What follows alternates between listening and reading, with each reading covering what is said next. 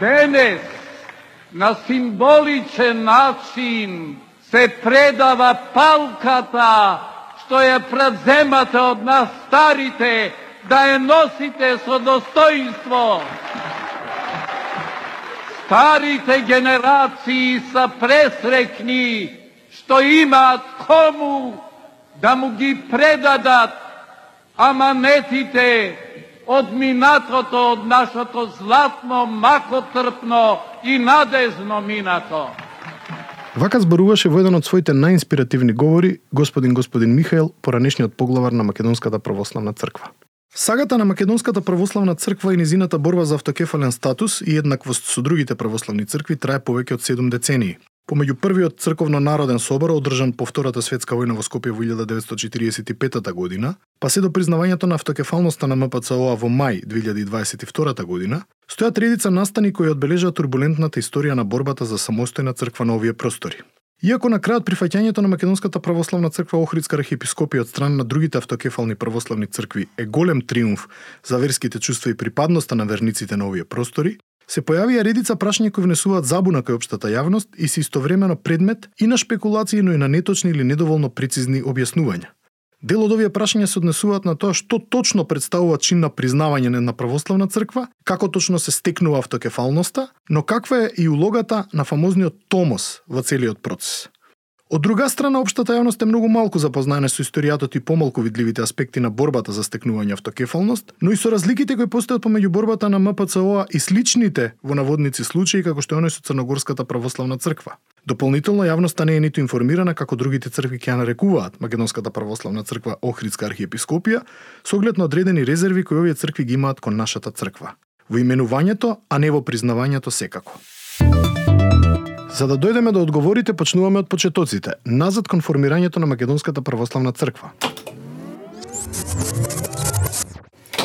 Професор доктор Милан Ѓорѓевич од Православниот богословски факултет во Скопје, наш гостин во оваа епизода го објаснува конфликтот околу признавањето на МПЦ, но и самиот термин препознавање на една црква. Професоре, добре дојде. Добро ве најдов.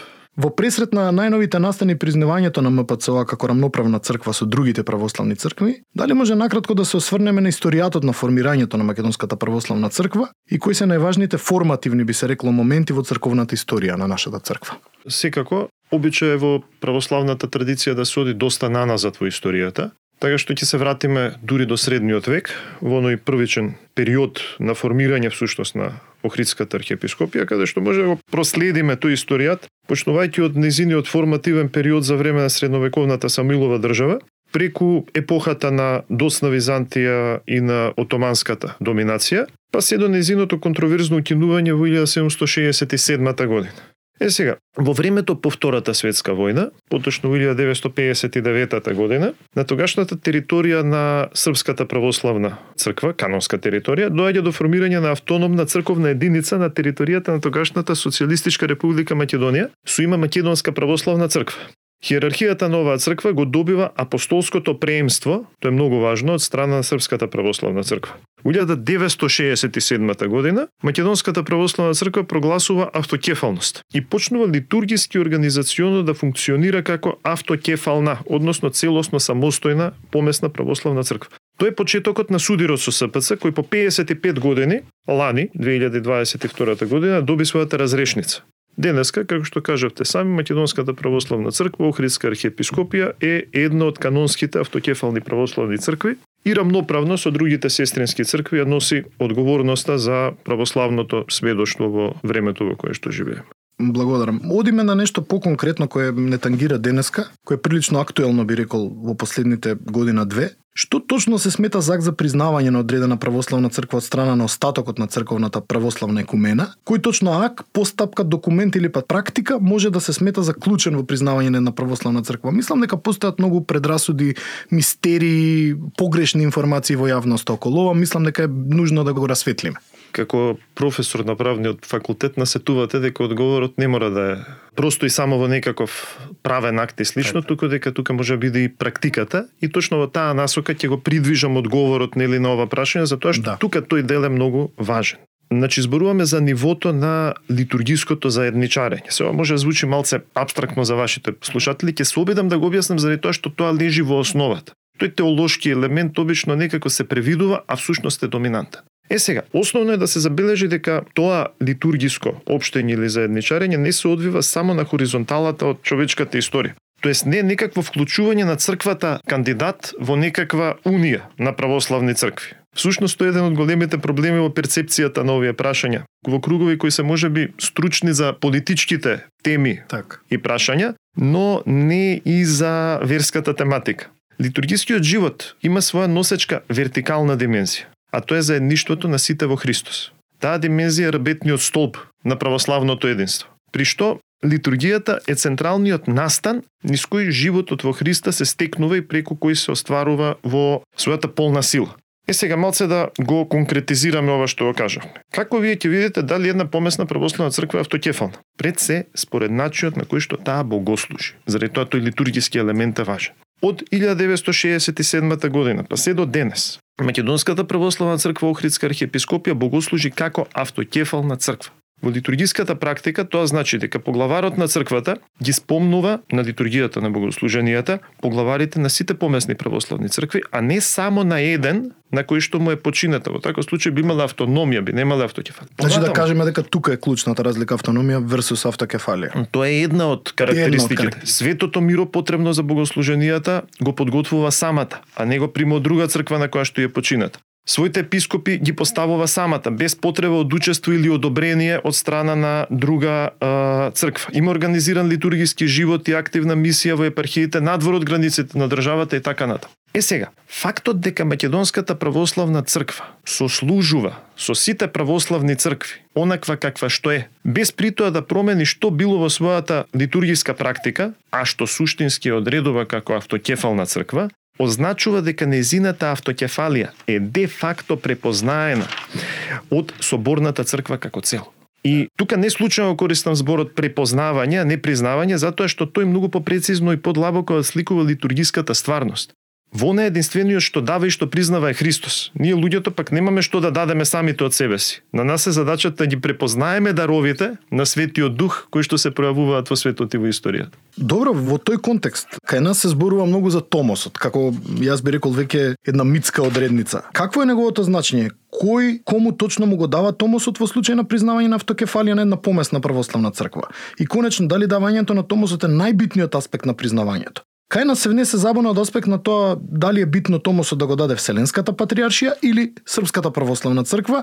Беше најаван дури раскол од страна Српот во случај да ние добиеме Томос. За среќа такво нешто не се случи. Работите отида во многу попозитивен правец. Работите во црковната стварност се одликуваат со една поголема динамика и не може туку така да се затворат во една рамка и да кажеме вака, вака и вака, да се нормираат на еден таков принцип. Е сега, многу прашања отворивте, ќе гледам колку што е можно да бидам порезимиран, ама не ветувам дека одговорот ќе биде краток.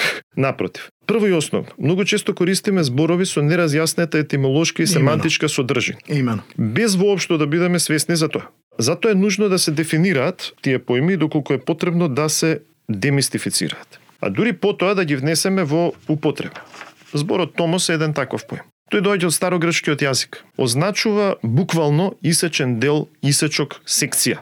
Во буквална смисла означува дел од испишан свиток. Исто така и посебно објавен дел од некоја книга. Така во македонскиот јазик го имаме зборот том, том. нели речник mm -hmm. во два тома. Од тука доаѓа тој поим. Во црковна правната терминологија зборот томос се користи како назив за кодифицирани одлуки од исклучително значење донесени од највисоките епископални управни тела на постоечките помесни православни цркви. Вообичаено станува збор за одлуки кои го регулираат нивното организацијско устройство и односите со сестринските помесни православни цркви. Е сега, водејќи се според оној древен принцип на организирање на црковните територијални единици согласно државните територијални поделби, Во државите што се јавуваат по падот и со паѓањето на Византиската империја, се јавуваат и нови помесни православни цркви. И со падот на Византија, дефинитивно со крајот на империјалната епоха во европската историја, и со појавата на националните држави доаѓа до израз потребата од организирање на автокефални помесни православни цркви. Целта е успешно да се спроведе црковната мисија на териториите на соодветните државни или регионални единици. Значи, мисијата е во центарот. Прв и пресуден фактор на автокефалност е согласноста и благословот на мајката црква, односно, она помесна православна црква на чија канонска територија се формира нова автономна или автокефална црква. Така. Таа го признава автокефалниот статус, со што двете цркви понатаму меѓусебно се третираат како рамноправни и рамнодостојни сестрински православни цркви. Патем, ваквите семејни изрази тука имаат статус на црковно-правни термини, без никакви поетични и слични конотации. Јасно. Постојат и други употреби, на пример постои историско генеалошко употребување, ќе сретнете со други значења, но во црковна правна смисла значењето е. Поради фактот дека основен еклесиолошки принцип во православната традиција е соборност, односно полнотата на православната црква, издадениот документ Томос потврда од мајката црква се доставува до сите сестрински автокефални цркви на усвојување. Со оглед на тоа дека во нашиот случај не постојат апсолутно никакви догматски или канонски пречки и со оглед на тоа дека процесот на усвојување веќе е во тек и непречено се одвива, би рекол прилично брзо за православни стандарди, Да. нашата автокефалност веќе не може да се постави по знак прашање. Што се однесува до улогата на Константинополската патриаршија во целиот процес, незината улога е неспорна. Првенството по чест, кое соборно и е доверено, се остварува преку служење во љубовта. Со тоа се посведочува заедништвото и едномислието меѓу православните. Во таа светлина треба да се разбере и очекуваното официјално прифаќање на нашата автокефалност од нејзина страна. Имено како израз на триумфот на соборната вистина и на црковното единство во светот и во историјата. На крај, би се прииспитале уште еднаш.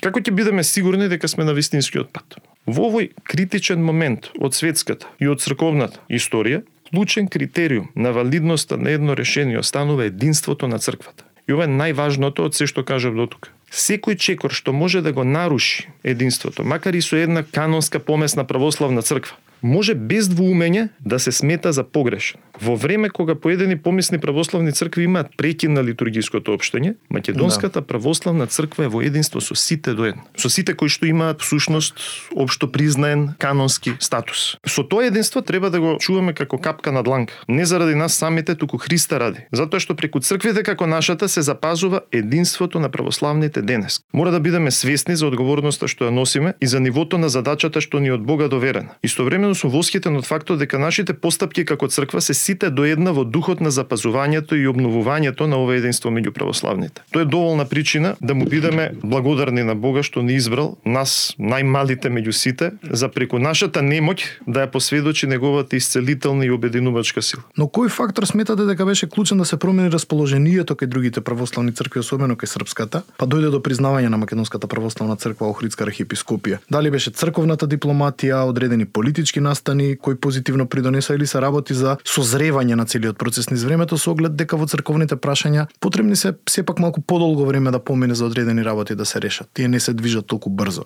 не би порекнал ниту еден од факторите што ги наведувате. Значи, тие очигледно се присутни и действуваат во синергија. Тоа се факторите кои што можеме да ги лоцираме на хоризонталата од црковното постоење. Така. Но би забележал дека недостасува еден фактор за кој сметам дека е суштински, дека има многу важно значење. Пак сега како теолог го кажувам Јасно. тоа, заради тоа што нели таа теолошка позадина, кога зборуваме за црковните нешта, мора бидеме свесни за таа теолошка позадина, колку и да да луѓе може да им изгледа абстрактно. Јасно. Во христијанската теологија стои еден универзален принцип. Се што имаме е добиено не поради и просто поради наша заслуга, туку е добиено на дар. Тука често во латинската терминологија интересно е се користи терминот гратис. Сега, не, не го знаме тој поимот сосема друг Сосема друг контекст, контекст, ама го да, немаат да. измислено газдите на скопските дискотеки од 90-ти години. Туку тоа е теолошки поим. Доаѓа од грација, латинскиот збор за благодат. Благодат. да. Благодат. Грати значи по благодат. Добивате нешто по благодат. И чисто ова конечна стварност знаеме да изгубиме од ум. Па решавачките причини почнуваме да ги бараме во контингентниот свет, во човечките дела, во историските стихи, не дека тие немаат свое влијание и движење и така натаму. Но ова носечка димензија некако знае да ни се така да ни се сокрие и да не ја видиме. И знаеме да се заплеткаме тогаш, губејќи го од вид најважното и единственото потребно, а именно Божјата волја за нас и неговото непрекинато благодатно действие во светот и историјата. Секако дека тоа действие се пројавува преку нас луѓето, но конечната причина за нештата не сме ние, самите и нашите дела, туку некој друг што во своите раце го држи светот и историјата. И тој е црковното гледиште, црковната перспектива кон овие нешта, што се надевам дека со овие неколку збора барем успев, барем до некаде да ја, Сигурно. да ја пренес. Сигурно.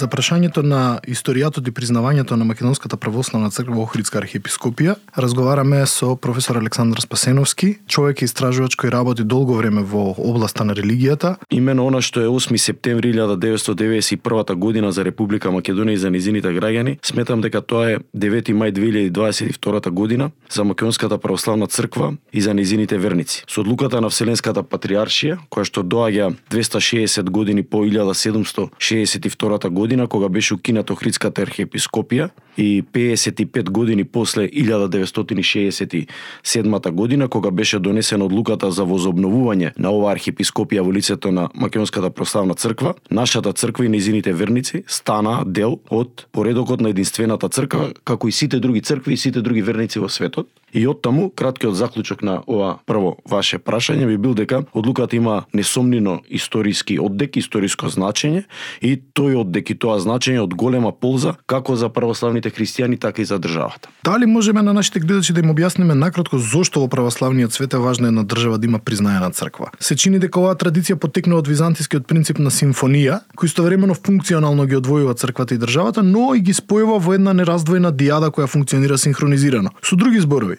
Постои расширено мислење, може би е предрасуда, може би е точно, дека доколку одредена држава со своја автокефална црква не ти ја признава црквата, автоматски не ти ја признава ниту државата. Во конкретна смисла, Византија можеме да ја разбереме како политички поредок воспоставен од страна на императорот и на патриархот, кои заеднички управуваат со империјата. Важно е да се каже дека во овој модел православната црква и реферирам на вториот дел од вашето прашање, својата примарна цел не ја остварува само врз основа на некаква духовна активност, иако и таа е многу важна, туку православната црква е и во функција на овоземната конкретна држава во која што таа суштествува.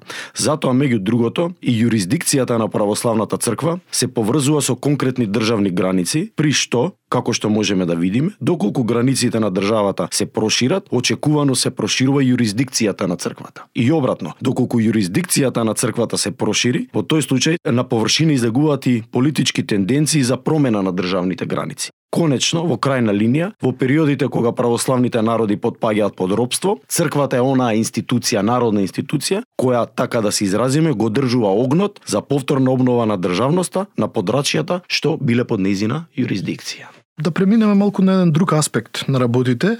Дали сметаш дека признавањето на Македонската православна црква Охридска архиепископија чин на конечно заокружување на државноста и дека контурите на нашата државност се конечно заокружени во црковната сфера, барем за оној дел на населението кое се идентификува црковно или културолошки со својата црква? Тој дел на населението не е воопшто мал, а дури за оние кои само културолошки се идентификуваат со црквата и не практикуваат верски обреди, има огромно идентитетско значење.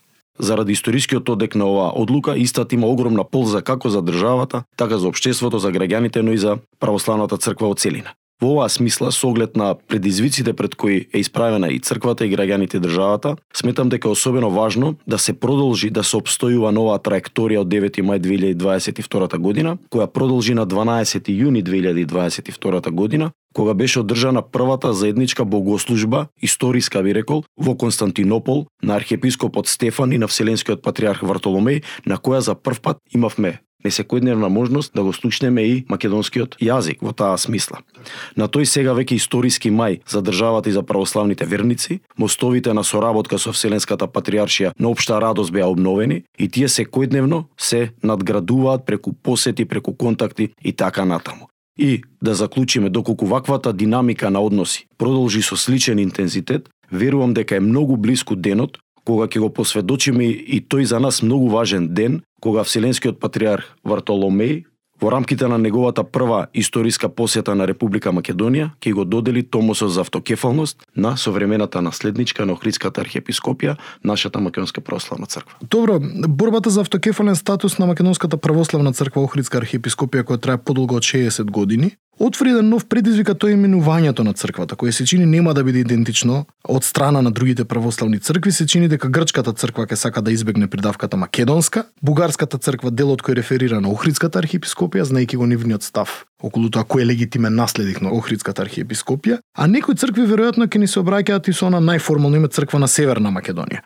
Како да се надмине оваа ситуација и дали воопшто суштински овој аспект во овој момент или во во овој дел од развојот на целата ситуација? Секоја црква е дел од еден конкретен државно административен поредок и таа своето име го определува според државата во која делува или според своето историско седиште. Па така, во Грција името на црквата е црква на Грција, која е истовремено и Атинска архиепископија. Во Украина тоа е православна црква на Украина, која е истовремено и Киевска митрополија. Во Албанија името на црквата е православна автокефална црква на Албанија и така натаму. Во однос на името на Македонската православна црква Охридска архиепископија, во идниот во очекуваниот томос на Вселенската патриаршија, важно е да имаме во предвид два факта и да размислуваме со ладна глава. Прво, со преспанскиот договор државата во чии рамки делува Македонската православна црква Охридска архиепископија има ново име. И второ, на територијата на географската Македонија, на историската на географската Македонија, во моментот се простираат юрисдикции на повеќе од 4 цркви. Значи Да, имаме 4 да, црковни точно. юрисдикции, од Мислам дека кои, многу луѓе ова не го разбираат. од кои само една е МПЦО-а. Така е.